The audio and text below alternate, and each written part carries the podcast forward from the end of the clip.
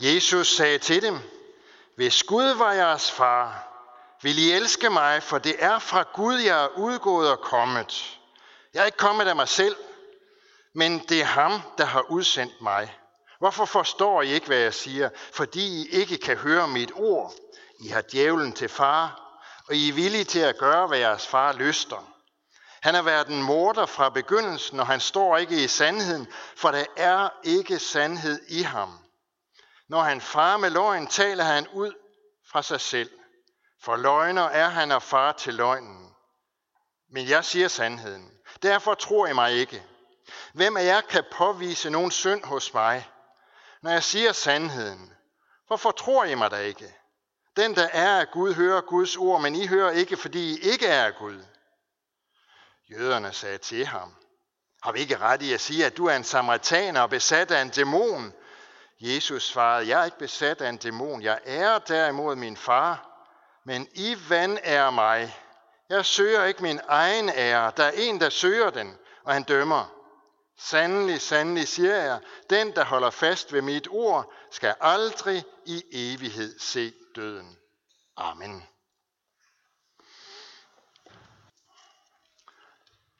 Der er dage, hvor det som præst er sjovere at prædike end andre dage. Og så er der, ja, så er der også nogle dage, hvor man sådan set helst vil være fri. Fordi teksten og budskabet er så barsk, at det slet ikke er sjovt eller rart at skulle prædike over det. Og sådan en dag er det i dag. Egentlig så har jeg slet ikke lyst til at prædike over dagens tekst, og det har jeg ikke, fordi det, som vi møder i dagens tekst, det er de skarpeste ord af Jesus, vi overhovedet har i vores Bibel. Og det står i forbindelse med den mest udførlige undervisning om djævlen i hele Bibelen. Det er jo ikke det mest spændende og det mest opløftende emne at tage fat på. Fordi det, der bliver sagt, jamen det er sådan set så firkantet, så sort-hvidt om Gud og om djævlen, at det næsten ikke er til at holde ud og høre på. Jesus han siger til jøderne, i har djævlen til far, og de svarer tilbage, men det kan du da selv have. Det er sådan en gang mudderkastning hen over tempelpladsen. Det virker som en fundamentalistisk ordduel. Og sådan noget, det kan vi ikke helt tage alvorligt. Det passer ikke rigtig ind hos os, for vi tænker anderledes. Vi ser mere nuanceret på det hele. Vi er et andet sted. Så hvorfor skal vi belemme os med sådan noget på sådan en fredelig søndag, hvor vi længes og ser frem mod forår og lys og glæde og solen skinner og alting er godt. På den anden side, så kan vi jo sige, at når nu Jesus han tager sådan på vej, så må der vel være en grund til det. For det plejer han da sådan set ikke at gøre. Og derfor vil vi gøre det i dag, at vi vil sådan prøve at gå lidt bagom de her skarpe sætninger, og så tænke lidt over dem. Jesus, som siger de her hårde ord til, til jøderne, han er jo Guds søn. Og som sådan, så kender han virkeligheden. Når han er Guds søn, så betyder det, at han kan se, hvordan tingene de virkelig er. Og ikke bare sådan, som de til synligheden er, sådan som de er på overfladen. Vi tror jo, at vi har tjek på alle ting. Vi har styr på det hele i vores moderne tidsalder. Vi ser tingene sådan, som de er.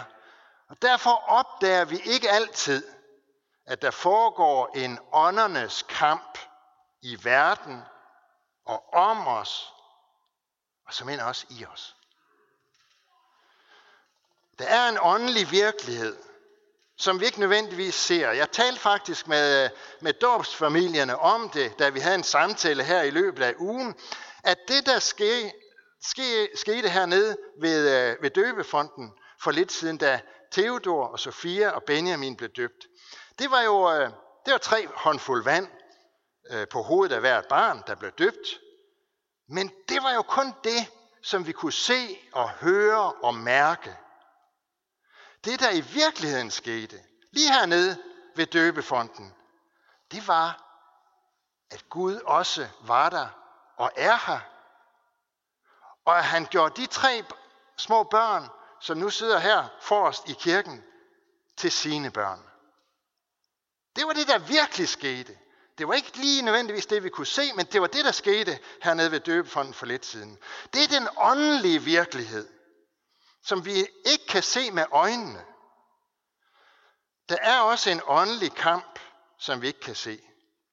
Men Jesus ved, hvordan det er, for han har selv stået i den kamp. Og derfor gennemskuer han alle blålys og ser bagom, og ikke bare, øh, og han ser ind bag ved den fight. For som den kender af virkeligheden, som Jesus er, ved han, at der findes en modmagt mod Gud, som er dæmonisk, og som vil Gud til livs. Og når det ikke kan lykkes, så prøver modmagten noget andet. Så prøver han nemlig at isolere Guds dyrebare skabning, altså mennesket, fra Gud. Han prøver at bringe os på afstand. Skille os fra Jesus og på den måde skille os fra livets kilde. Og det kan desværre godt ske for os mennesker. Det kan ske på forskellige måder, fordi djævelskab det er ikke kun det, som er i øjnefaldende ondskab og gemenhed. Djævelskab er også raffineret og kan se god og religiøs og spirituel og næstekærlig og rimelig og fornuftig ud. For djævlen han har intet som helst imod, at vi taler om Gud og om åndelighed og om etik og alt muligt andet, der har med kirke og kristendom at gøre. Når bare ikke det kommer til at handle om Jesus. Når bare ikke Jesus kommer i centrum.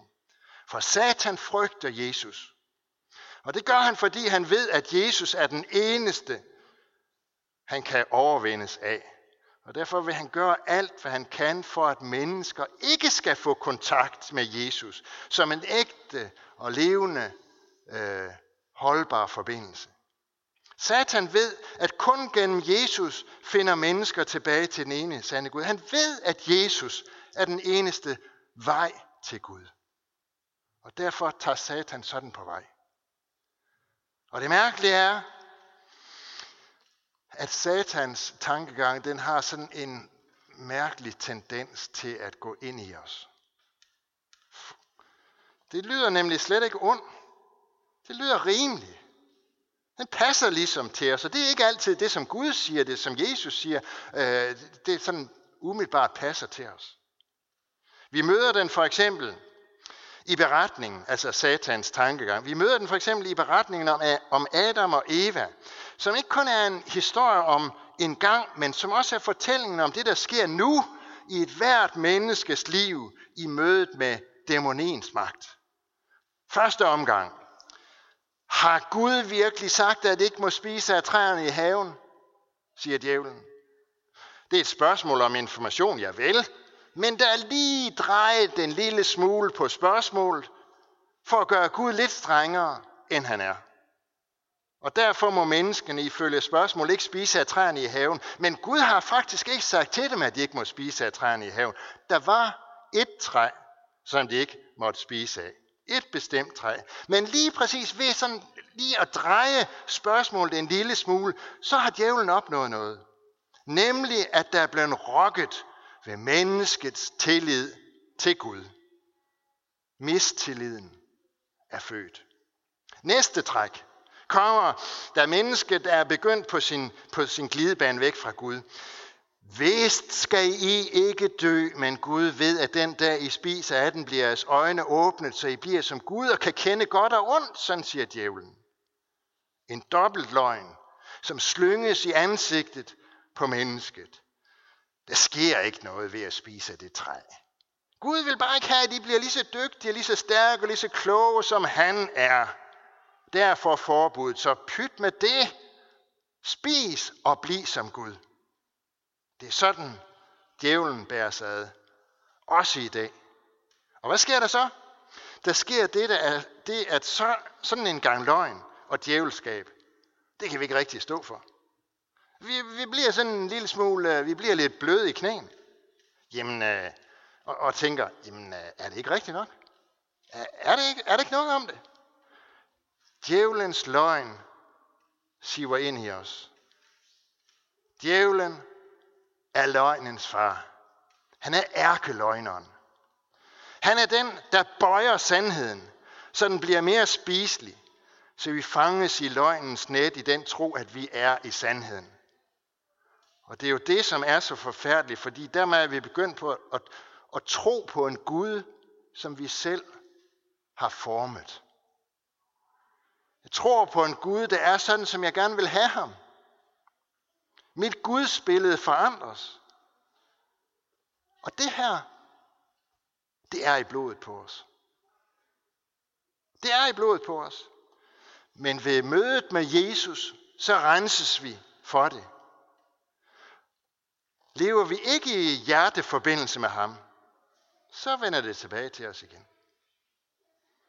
Vi så det, eller hørte det i den, den gamle testamentlige læsning, som, som jeg læste op fra alderet. Folket var blevet befriet fra slaveriet i Ægypten. De var gået igennem det røde hav, men i ørkenen, der mister de så tålmodigheden med Gud og med Moses, og så laver de sig deres egen Gud, og som bliver den Gud, som de reelt dyrker og venter sig alt godt af.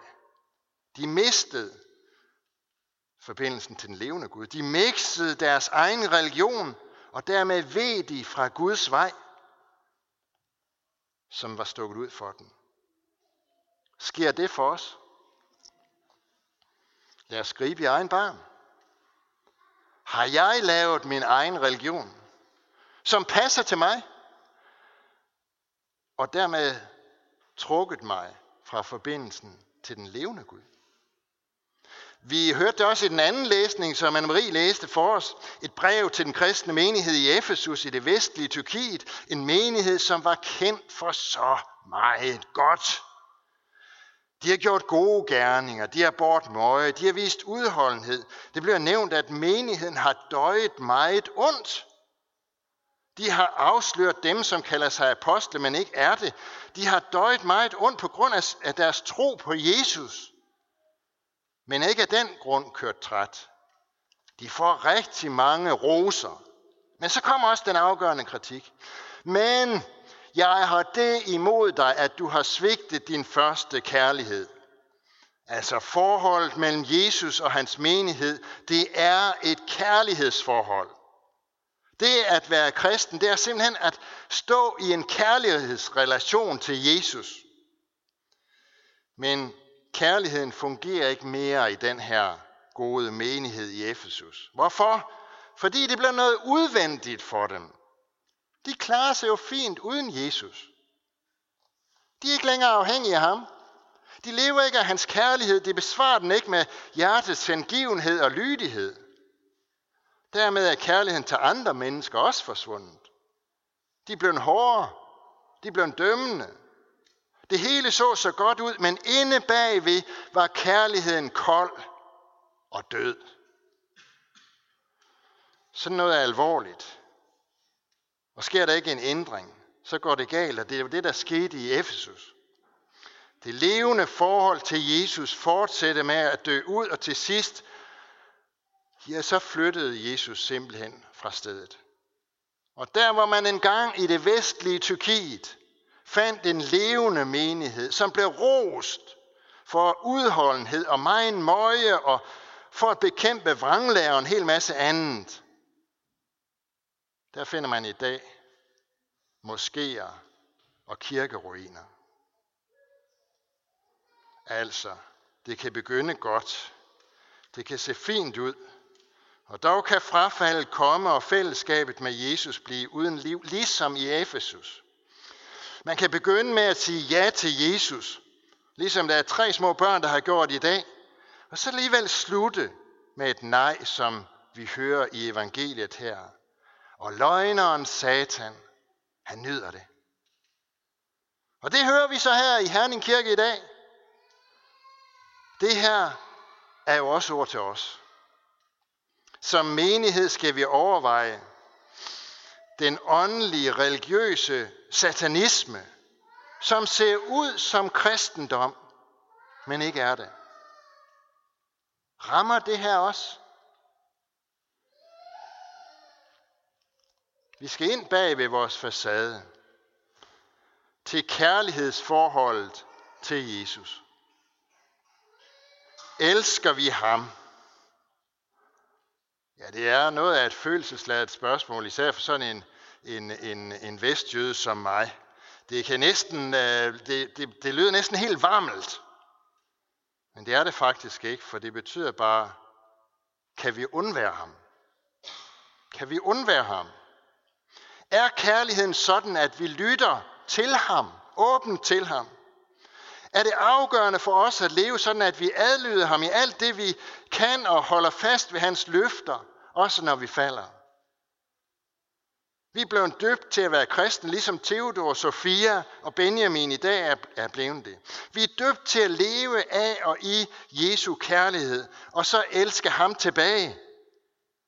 Og hver eneste søndag skal vi forny vores dåbspagt ved at bekende, hvad det er, vi tror på.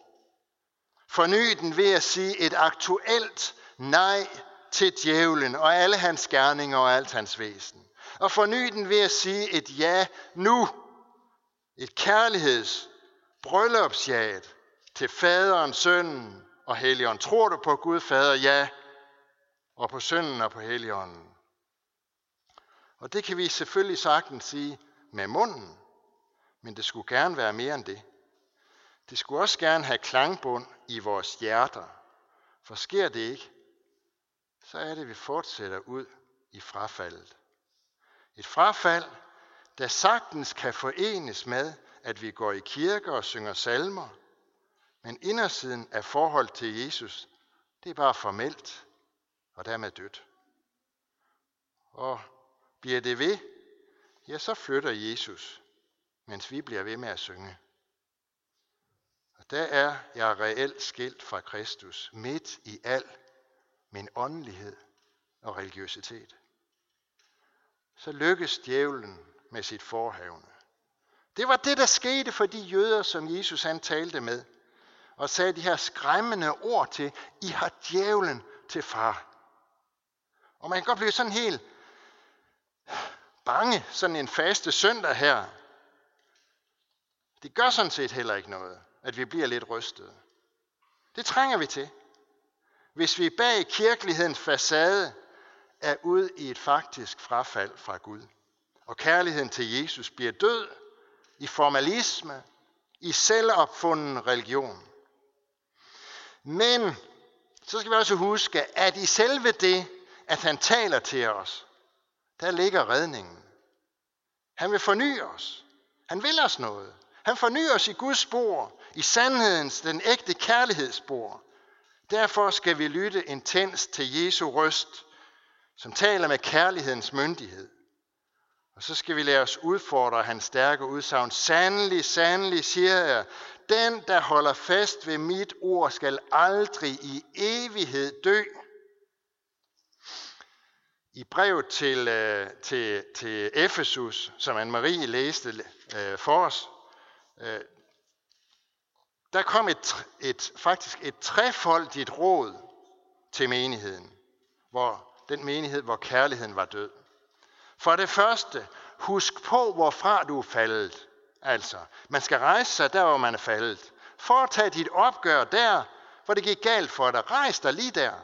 For det andet, omvend dig Altså, fat et nyt sind, skift retning.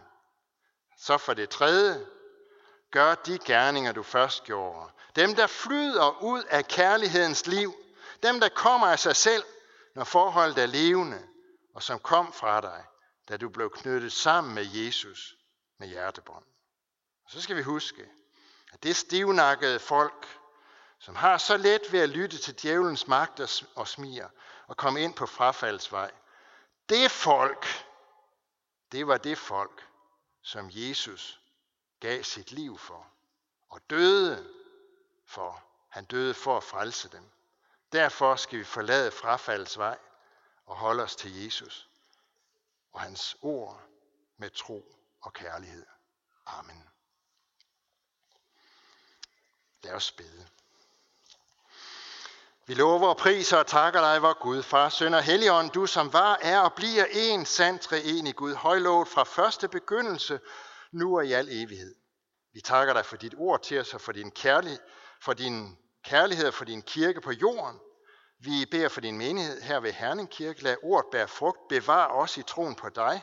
og forny os i håbet om dit komme. Og vi beder for alle, der har et ansvar inden for vores kirke, for menighedsråd, provst og biskop, led dem og os alle, så vi handler i troskab mod dit ord, vor kirkes bekendelse. Vi beder, kald og dan du der tro tjenere og forkyndere af dit ord, og vi beder for alle, der går med dit ord, både herhjemme og i det fremmede, styrk du dem, hold din hånd over dem, og lad deres gerning bære frugt. Vi beder for børnene, som døbes, at de må blive oplært i den kristne tro. I dag beder vi dig for øh, Theodor og Sofia og Benjamin. Bed om, at de må vokse i tro på dig. Vi beder for konfirmanderne, at de må få lov at se dig, så de aldrig glemmer det. Kald vores børn og unge ind på troens vej, og beskærm dem mod alle ødelæggende kræfter. Vi beder for alt sandt folkeligt og kirkeligt arbejde. Vi beder for det kirkelige børnearbejde. Udrust du lederne og velsign du det. Vi beder for vores hjem, vores kære, velsign både ægte folk og enige til at leve efter din vilje og gode orden. Vi beder for alle, der er sat til at styre vort land, for vores dronning, og hele hendes hus, for regering og folketing, for alle, der er betroet ansvar i stat, region og kommune. Led dem, så de forvalter deres ansvar ret. Og hvad er hos de danske soldater, som er udsendt, og alle, som gør tjeneste for fred og retfærdighed i verden. Hjælp og styrk dem i deres gerning. Og vær nær hos deres kære, som må bære bekymringsbyrde.